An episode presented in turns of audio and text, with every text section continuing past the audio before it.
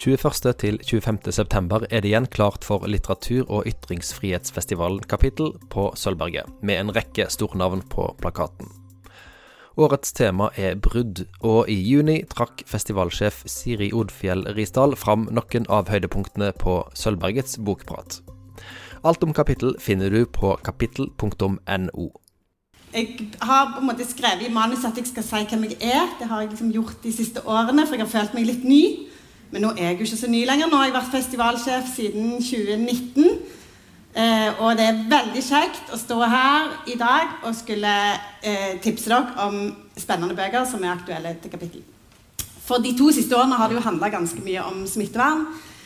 Eh, og nå er det endelig mulig å planlegge for en festival helt uten restriksjoner. Og heller konsentrere seg om å jobbe med programmet. Og de neste ukene så gleder vi oss veldig til å slippe litt mer programnyheter. Og så kommer fullt program, eh, og billettsalg åpner i august.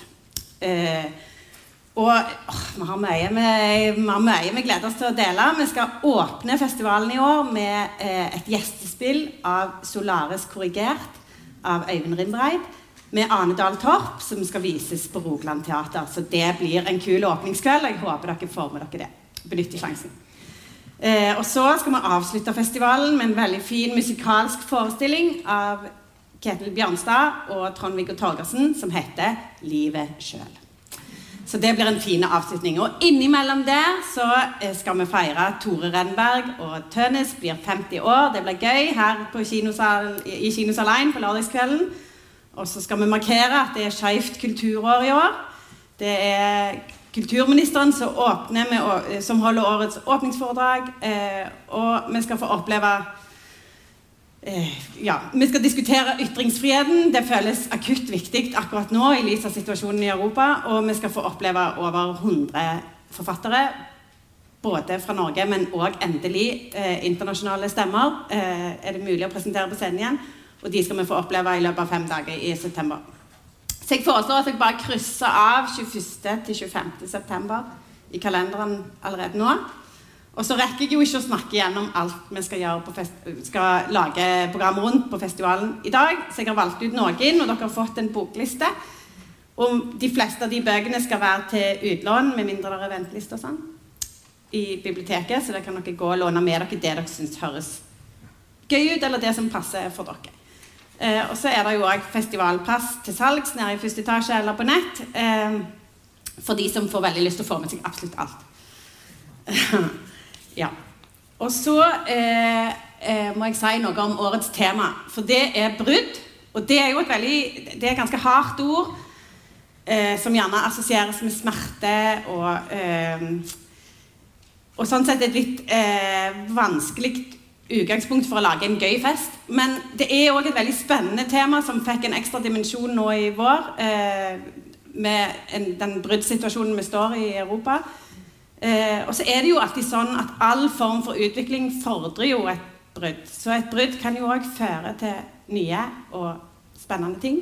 Åpne for nye muligheter. Og derfor, og, og det er jo ofte eh, Og derfor er brudd et sånn veldig populært tema for forfattere å bruke som et utgangspunkt. Særlig relasjonsbrudd mellom oss mennesker. Det går veldig mye igjen i skjønnlitteraturen. Og derfor var det et gøy tema å utforske litterært. Og ideen til det ordet kom fra denne boka her. 'Bruddet. Byen som ville ha brexit'. Det er en fotodokumentar.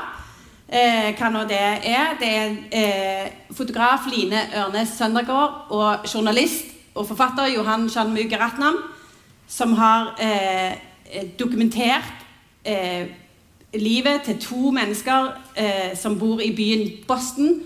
I, ikke i USA, men en liten by som heter Boston i Lincolnshire nord for London. Og det var den byen der flest mennesker stemte for brexit.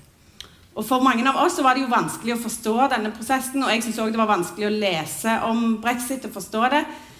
Eh, fordi det var så fjernt fra hvordan vi tenker her. Men eh, hvis du løfter blikket litt nord for London, så ser hverdagen til ganske mange mennesker helt annerledes ut. Og det er det de portretterer i denne boka. Når de har fulgt hun som heter Alexandra, eh, som er fremmedarbeider fra Litauen og eh, jobber på fabrikk, og den gamle fiskeren Albert. som dere ser til høyre her.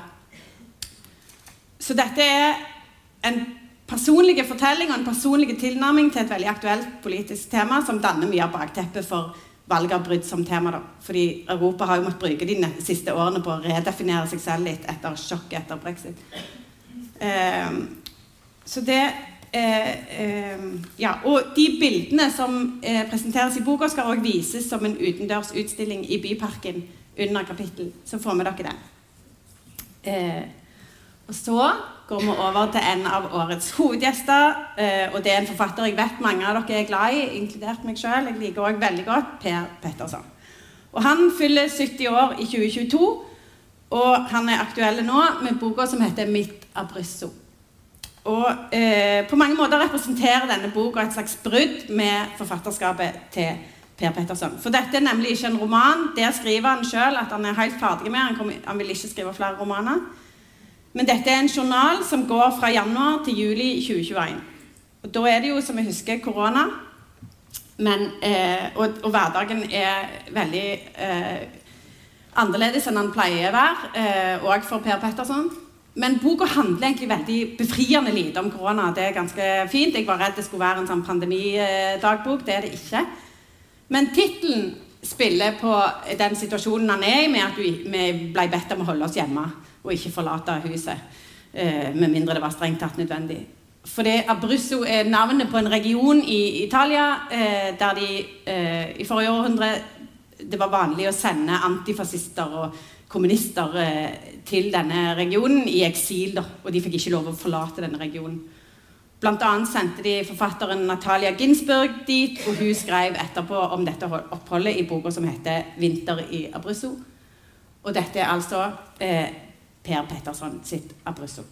Eh, og eh, dette er en av de bøkene som har sittet ja, når, når, jeg leser mye til jobb, så er det jo mye som, eh, som jeg ikke rekker å lese ferdig, og noen ting som, som, går litt inn i hverandre. Men denne var en av de bøkene som satt dypt igjen i meg etter jeg var ferdig å lese, og som står liksom, som en av de fineste bøkene jeg har lest, om, lest i år. Eh, for selv om hovedpersonen i denne boka er Petterson sjøl, så er stilen veldig den samme som i romanen. Han skriver veldig varmt om menneskene rundt seg. Og, og alle menneskene han skriver om, inkludert seg sjøl, er så herlig uperfekte.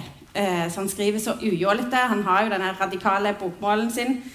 Eh, og han skriver om, om brudd eh, eh i bokstavelig forstand. Eh, vennskapsbrudd, ekteskapsbrudd og andre brudd som livet byr på. Men han skriver òg om aldring, men på en sånn fin, usentimental måte. Eh, ikke som i at det er så trist å bli gammel, men mer sånn det er så interessant å tenke tilbake på alt jeg har opplevd i livet. Og som han, han skriver så fint et sted Ting kan bli veldig interessante når de ikke gjør så vondt lenger. Og det er jo veldig sant. Eh, og det er jo en fordel med alderdom, at man, kan, at man, får litt avstand til de tingene i livet som har gjort veldig vondt, og dermed kan tenke på dem og undersøke dem og se på dem med et annet blikk. Ja. Eh, en annen bok som tematiserer brudd, er denne lille romanen. Eh, den heter 'Vi kom fra Liverpool' og er skrevet av Thomas Marco Blatt. Han eh, debuterte i 2005, tror jeg, i hvert fall på 2000-tallet, og fikk da Tarjei Vesaas debutantpris. Han er ikke så veldig kjent, men han får alltid veldig god mottakelse for bøkene sine. Og denne romanen handler om søsknene Joe og Emma som eh, må gjøre om på alle framtidsplanene når livet plutselig blir avbrutt av at faren uventa dør. Da. Og siden jeg, jeg, tror jeg har sagt det før når jeg har hatt denne bokpraten, at jeg deler hus med noen fotballentusiaster jeg bor med fire stykk som alle elsker fotball, og tre av de er veldig dedikerte Liverpool-fans. Så vi har vært på fotballtur til Liverpool, og det første jeg tenkte på når jeg så denne tittelen, var jo fotball. Og tenkte at dette må jo være en bok for mine gutter. Men selv om han Joe, da, eh, gutten i boka, sin drøm om å bli fotballproff, den ligger under som en rød tråd og utgjør en veldig viktig del av boka, så er dette først og fremst en bok om arbeiderklassen på 80-tallet i England. Og de harde kårene som de levde under. Uh, og det er en veldig fin skildring av hvordan livet ikke alltid er rett fram. Det er en skildring fra en begravelse der, der presten sier at livet er som en elv. Den renner fra begynnelse til slutt. Og så sier onkelen liksom kakke i ølglasset at ja, men hallo, Livet består jo òg av gliper, av brudd, av små og store ulykker som endrer historien og former folk, og noen ganger blir vi aldri den samme igjen. Så eh, Veldig sånn kortroman. Eh, eh, halve sider med tekst, som går fort å lese, men, men, som jeg ble gående og tenke på lenge etterpå. Veldig fin bok. Og så eh, Den neste boka jeg skal snakke om, 'Stargate', den har undertittelen 'En julefortelling'. Og det er jo kanskje ikke det første man tenker på å ta med seg på stranda, men dette er en liten skatt av en bok, og den er en perfekt feriebok. Det er òg en veldig kort roman. Men han inneholder så mye på de få sidene. Eh, det, den er trist og klok og rørende og veldig opprørende. Jeg var veldig sånn eh, Ja, jeg hadde lyst til å snakke med noen etter jeg hadde lest denne boka. Og nå kan vi snakke med Ingvild Risøy sjøl på kapittel, for hun kommer eh, til oss. Og Det handler om Ronja og storesøsteren Melissa. Jeg tror Ronja er ca. ti år. Min sønn er ti år, så det ble veldig nært. Og Ingvild er veldig god på Hun er først og fremst kjent som novelleforfatter, og hun har også fått mye eh, blitt veldig uh, anerkjent for at du er så god til å ha det barneblikket. Jeg minner sånn sett litt om Astrid Lindgren. Og det er Ronja som forteller. Og de vokser opp på Tøyen med sin alkoholiserte far. Men det er ikke en sånn vold og, og, og voldelige, slemme far. Det er en kjærlig far som er ekstremt stolt av døtrene sine, men han klarer ikke å ta vare på dem, og han klarer ikke å holde på en jobb, og han bruker dagene på puben Stargate, derav tittelen. Eh, og glemmer å kjøpe mat. Så heldigvis da, så finnes det en vaktmester som deler matpakke, og heldigvis finnes det en nabo som kan hjelpe å stryke eh, Lucia-drakten. For dette er jo desember. Og, og heldigvis får storesøster Melissa jobb som juletreselger og kan sørge for at det kommer litt inntekt. Eh, men det er jo ikke til å stikke under stol at det er ganske trist. Og det er veldig klare referanser til H.C. Andersen, altså eh, 'Piken med svovelstikkene', eller Charles Dickens sitt jule... Det handler jo om fattigdom. Men selv om det er veldig klare referanser til eventyret, så er jo barnefattigdom et økende problem i Norge, og langt fra et eventyr. Så sånn sett så har Rishaug skrevet en roman som både er veldig tidløse i sin form, men som samtidig er brennaktuelle. Da. Og så eh, skal vi over på en lokale forfatter. Jeg er liksom litt stolt av at Kristin Austad Danielsen er, er vår. Eh, hun, eh, eh hun, har fått kjempemye bra eh, anmeldelser på den nye romanen sin som heter 'Du er bonde'. Kul tittel. Eh, og her møter vi to navnløse odelsjenter som vokste opp på, i Gjesdal kommune på 90-tallet veldig mye sånn deilig mimring eh, for oss som har vokst opp på 90-tallet. Men eh, gøy for andre òg, altså. Eh, og Simone de Beauvoir har skrevet et sted at eh, du, eh, du blir ikke født, eh, født odelsjente, du blir det. Men sånn var det ikke i Gjesdal kommune på 90-tallet. Der blir du født odelsjente, og det er bare å brette opp armene og gå i gang. Du har ikke noe valg. Og hun, Det handler da om to venninner som begge er odelsjenter. Og hun ene hun går på møter oppgaven med liv og lyst og bretter på armene og setter i gang med åker og dyr. Hun andre hun liker best å ligge på sofaen og syns dette er litt stress. Og tenker at hun venninna kanskje har litt ADHD. Og til det da så sier faren at du skulle hatt litt ADHD, du òg. Ja. Så det, dere skjønner tonen i boka. Eh, og greia til henne de, de, de, har ikke, de omtales som jeg og du, da, derav du er bonde. Eh, og jeg er her eh, som forteller. Hun, hun får litt sånn eh, Hun liker ikke Jæren sine sånn snorete ågerlapper og at alt er så på stell. Hun lengter ut og tilbake til den ville naturen. Så hun finner ut at hun vil eh, hun vil bruke sin jord, da, som hun har eh, overtatt, til å ta tilbake naturen eh, og plante trær. Og jeg får vel bare si det går sånn passe. Så dette er en forfriskende og veldig morsom roman. Eller kanskje ikke roman, kanskje mer en fabel eller en slags skrøne. Og drømmer blander seg litt inn i virkeligheten, og det tar helt av på slutten. Så hvis du er en som liker best sånn velfrisert hekk og nyklippa plen, så er kanskje ikke dette boka for deg. Men den er veldig gøy, altså. Uh, ja. Og en annen lokal forfatter som er aktuell med romanen i år, det er Peter Strassegger fra Bryne. Han er òg i programrådet til kapittel og tipset meg om at han jobbet med denne boka. Og så sa han at jeg har òg hørt at han som heter Mathias Samuelsen, jobber med en bok som dreier seg om det samme. Eh, og det var litt spesielt, for, for begge bøkene handler om et barnebarn som finner et skriv etter sin bestefar, eh, som er, handler om deres opplevelser under krigen. Eh, og så er disse romanene da, et forsøk på å nærme, eh, ta et oppgjør med det som bestefedrene deres har opplevd, og de valgene de har tatt. Eh, men fra to helt forskjellige ståsteder. Peter Strasseger eh, sitt utgangspunkt er et virkelig skriv da, fra, som eksisterer, eh, som hans morfar skrev eh, i godt voksen alder, der han prøver å forklare og forsvare sine handlinger som nazist og frontkjemper for NS under andre verdenskrig.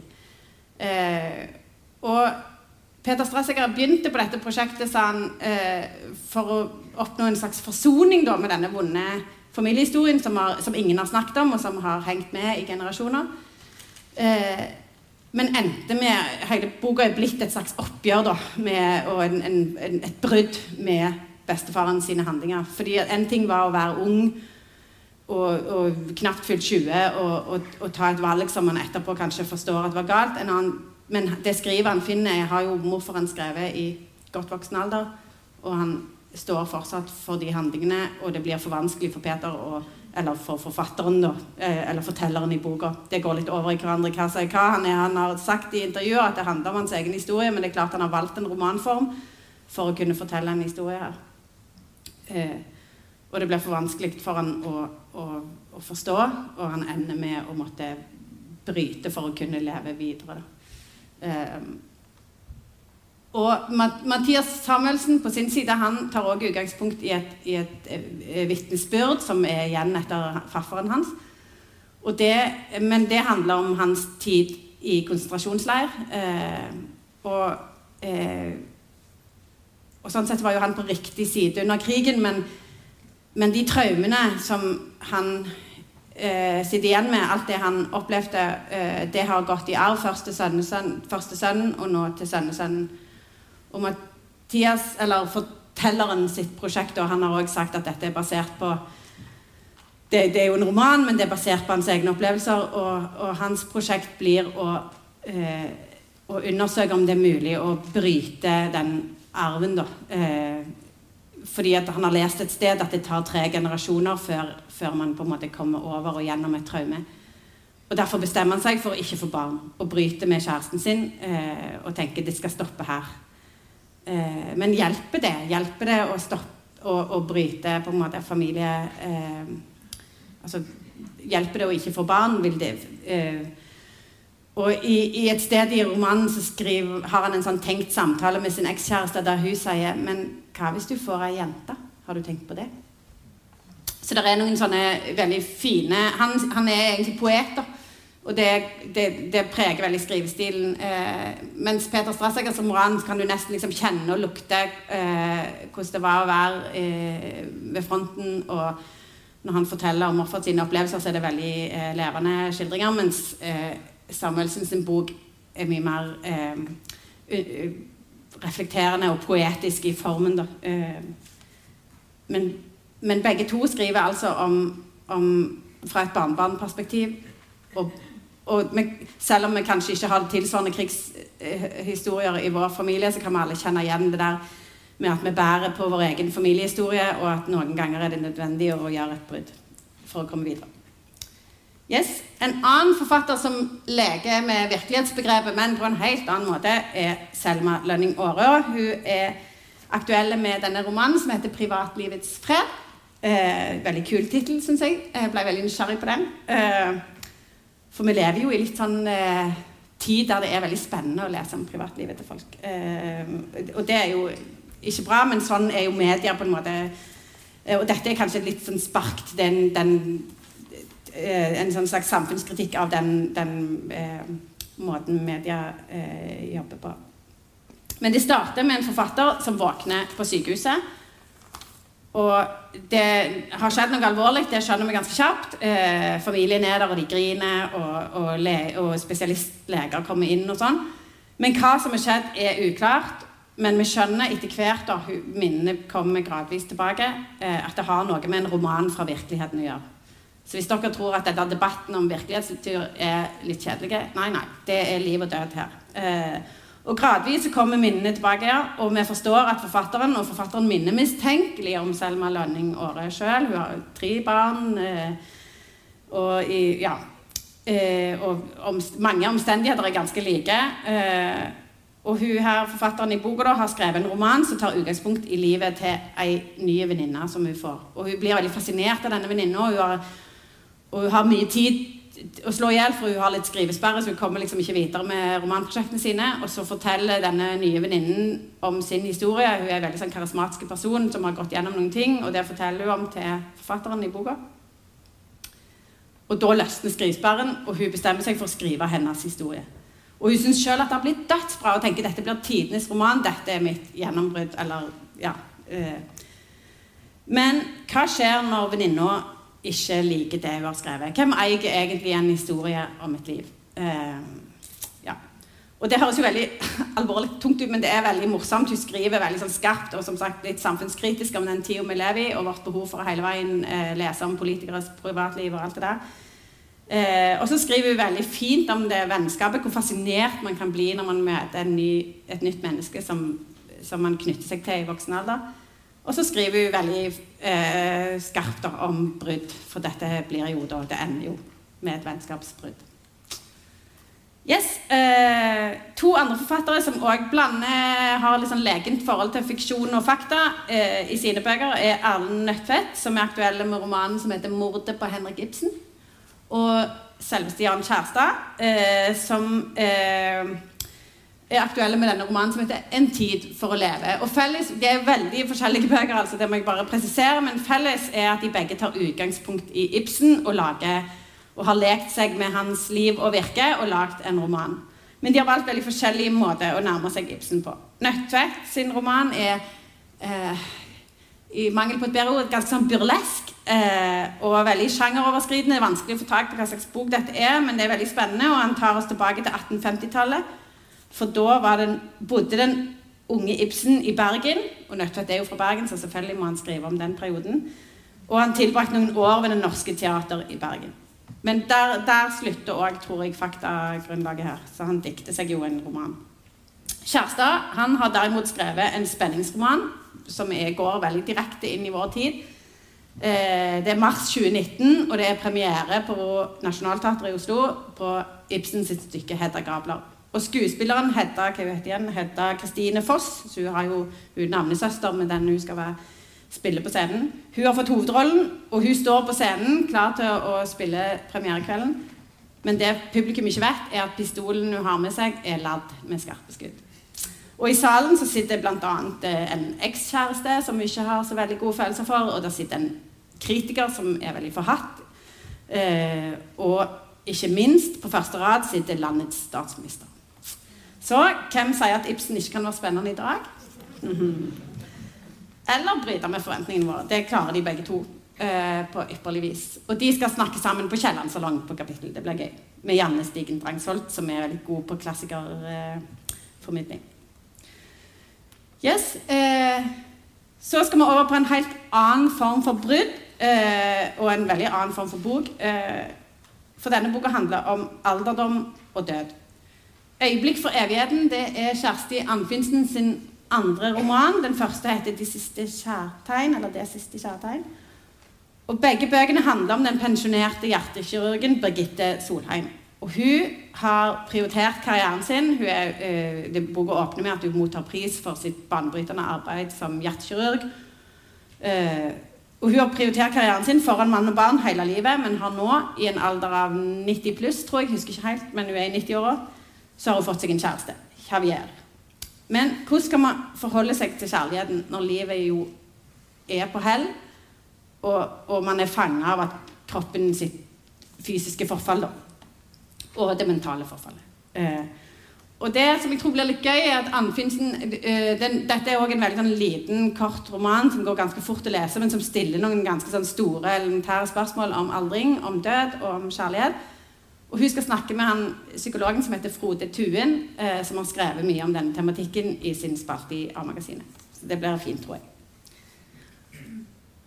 Og så eh, er vi over på en diktsamling som heter 'Sorgsanger' av Kari Svanum.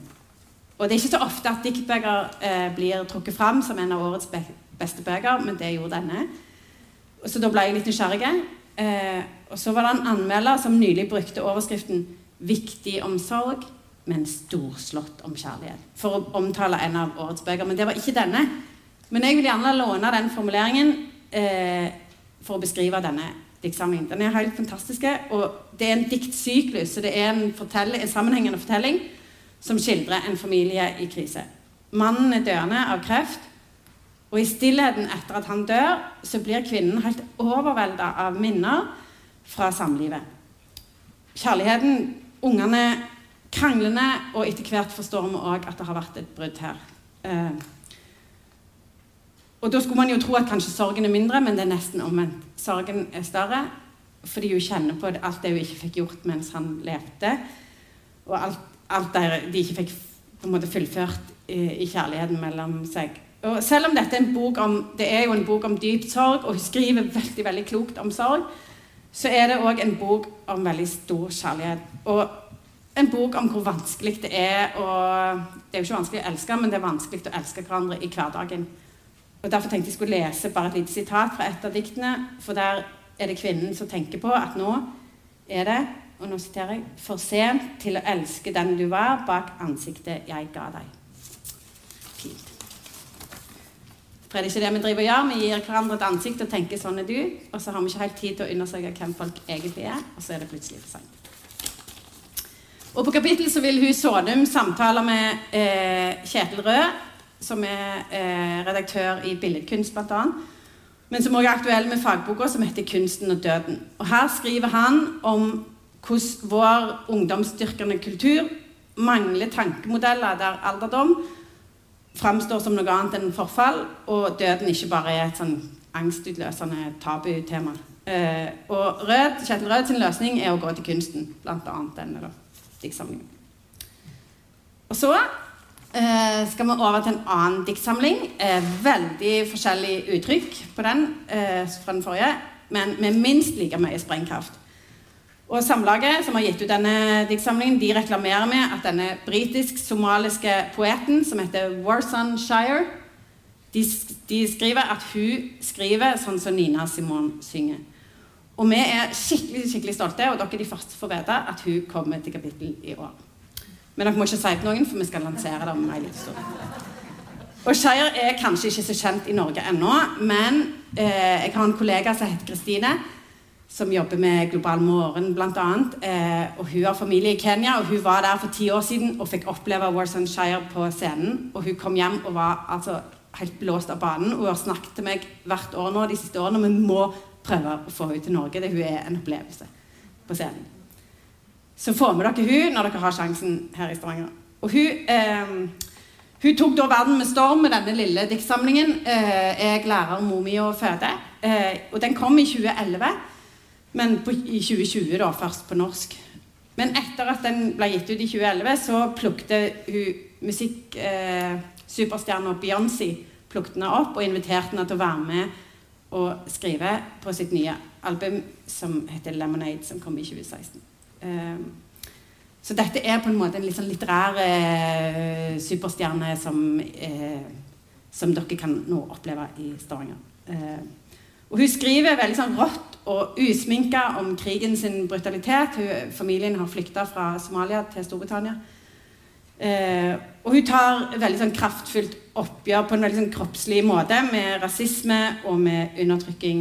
og ja, Eh, så dette er, Hun går ikke forsiktig i dørene, og det er ganske direkte språk og veldig sånn sanselige leseopplevelser.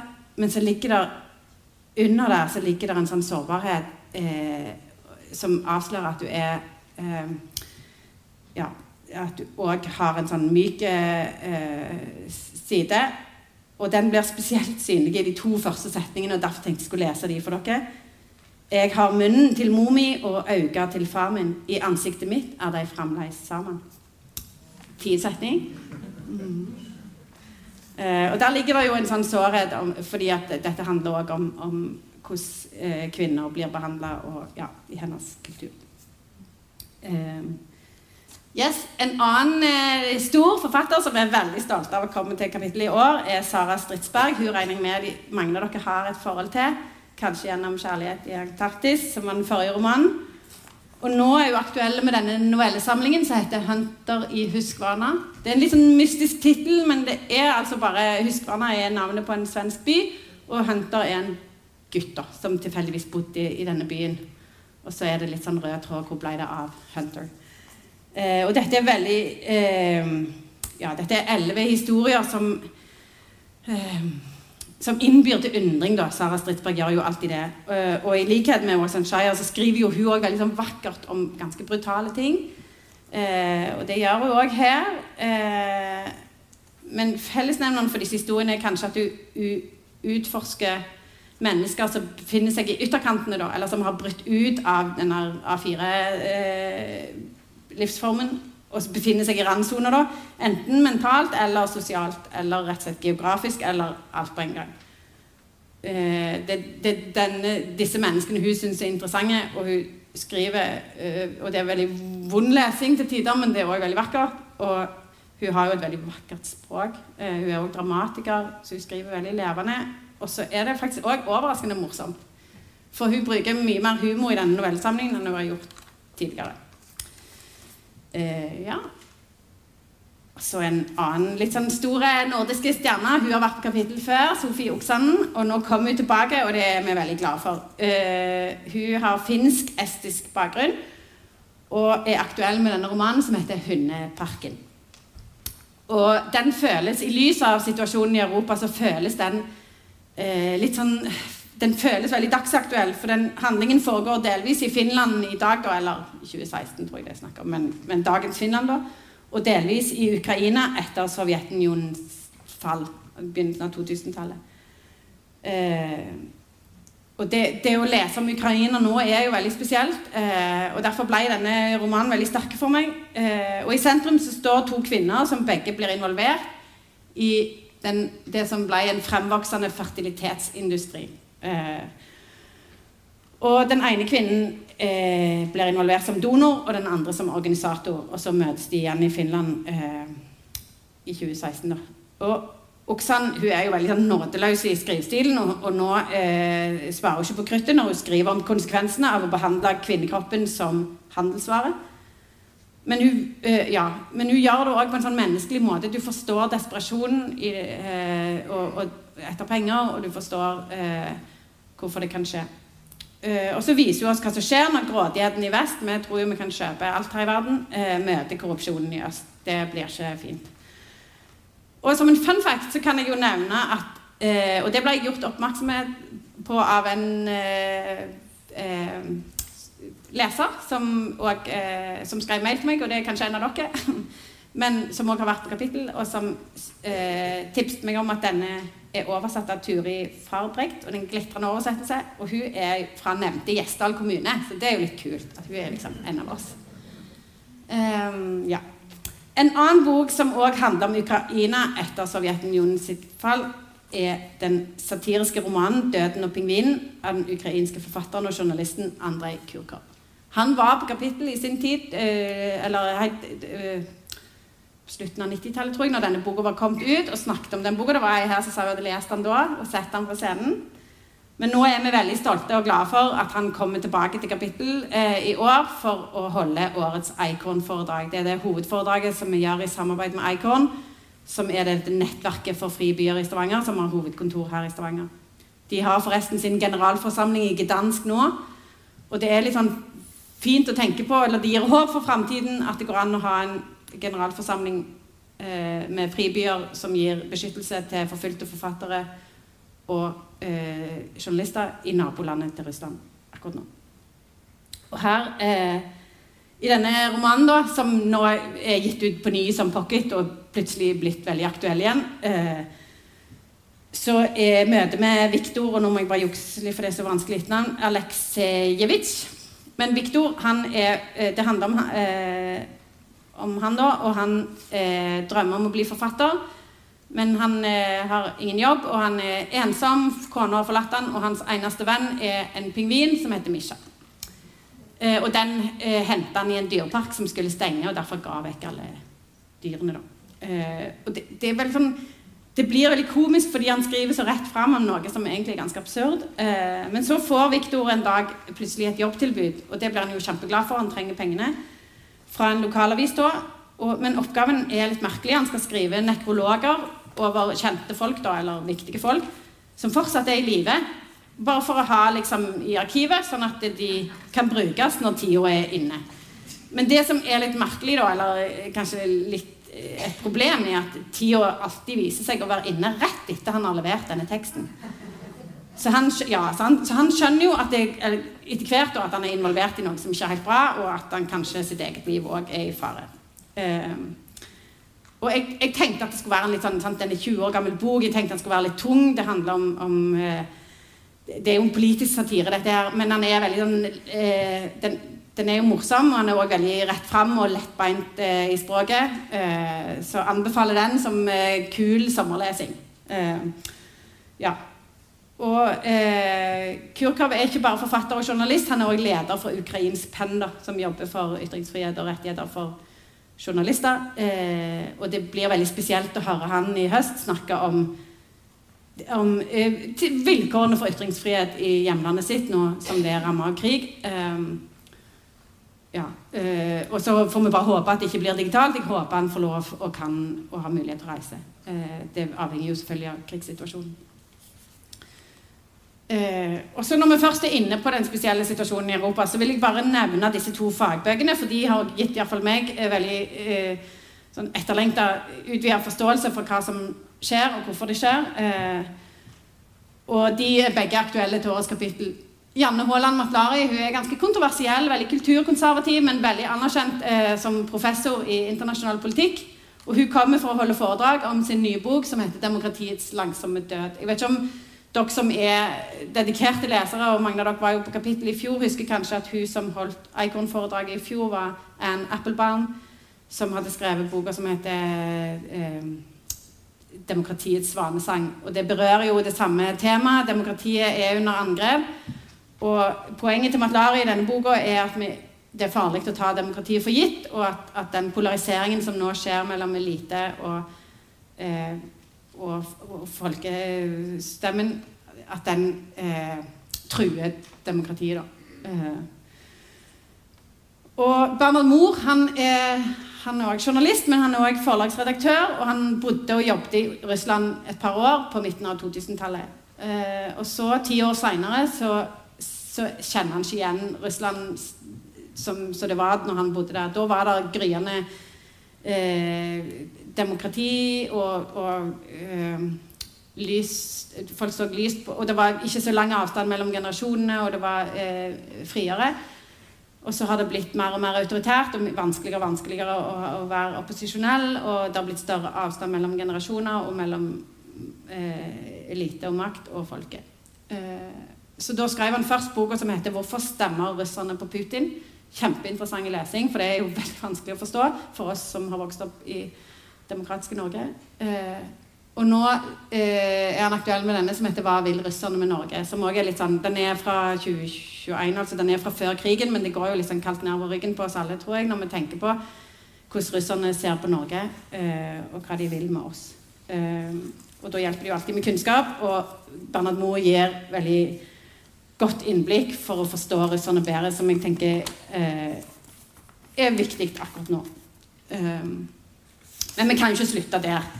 Jo, jeg skjønner jo hvis dere ikke gidder ta med to bøker om politikk på stranda. Eh, og, det, eh, eh, og, vi kan jo ikke arrangere festival om brudd uten å snakke om det mest berømte bruddet i hele norgeshistorien, nemlig stavbruddet til skiløperen Oddvar Brå. Så Derfor har jeg tatt med som en avslutning disse to eh, artige eh, og, og, fine eh, fagbøkene om norsk idrettshistorie. Og felles for dem er jo at begge to tar utgangspunkt i et lite brudd, men som får ganske stor betydning og endrer idrettshistorien. For Kjetil Bjørnstad han nevnte jeg jo kommer for å holde denne forestillingen, men han er òg aktuell med denne fagboka. For når pandemien slo til, så mista han alle konsertoppdragene sine og alle eh, forfattersamtalene han skulle holde. Eh, og han ble sittende hjemme. Eh, og da eh, brukte han tiden på sin eh, kanskje noe overraskende favoritthobby, som er å se sport på TV. Og aller helst alpinsport. Og så eh, var han spesielt fascinert av hun som heter Kajsa Wickhoff Lie, som, som er ungt og, og spennende og et av, et av, våre største alpintalenter i Norge for tiden. Og hun gjorde det eh, veldig bra i et av disse rennene, og da skrev han et dikt om det. Og så, sendt, og så eh, rett etterpå så skada hun seg veldig stygt da, med et veldig stygt beinbrudd som trua karrieren hennes. Og lå lenge på sykehuset, og da sendte han dette diktet til henne mens hun lå på sykehuset. Og hun, hadde jo ikke, hun måtte google hvem Ketil Brønstad var. Dette var jo eh, en helt annen generasjon. Men dette var begynnelsen da på det som ble en veldig sånn, fin samtale på tvers av kulturuttrykk, eh, på tvers av generasjoner. Og det har blitt til denne samtalefagboka eh, som da handler om livet til Kajsa Wickhoff Lie, men òg på mange måter Bjørnstad sjøl. Eh, og de som skal intervjue Kajsa og Kjetil på kapittel, er eh, Tor Gotaas. Det er vel få andre som kan eh, norsk skihistorie bedre enn han. Og han har jo da sjøl òg skrevet om norsk skihistorie og dette eh, velkjente bruddet til, eh, stavbruddet til Oddvar Brå i denne biografien, veldig artige biografi om Odd Brå. Um, så det er òg morsom lesning, og han får da æren av å avslutte kapittel eh, her på Sølvberget før, før, denne forestillingen med et foredrag der han eh, som skal handle om Der han spør oss om hvor var du når Oddvar Brå brakk staven. Eh, så får vi dere det. Og så gjenstår det bare for meg å si eh, God sommer. Jeg håper dere låner med dere masse bøker hjem i dag. Jeg håper dere kjøper dere et festivalpass til kapittel. Nå er det endelig mulig å gå på festival og ha det litt gøy. Ikke bare sitte sånn på rekke og ikke ta på hverandre, som vi har gjort de siste årene. Og så håper jeg vi ses på kapittel i september. Vel hjem.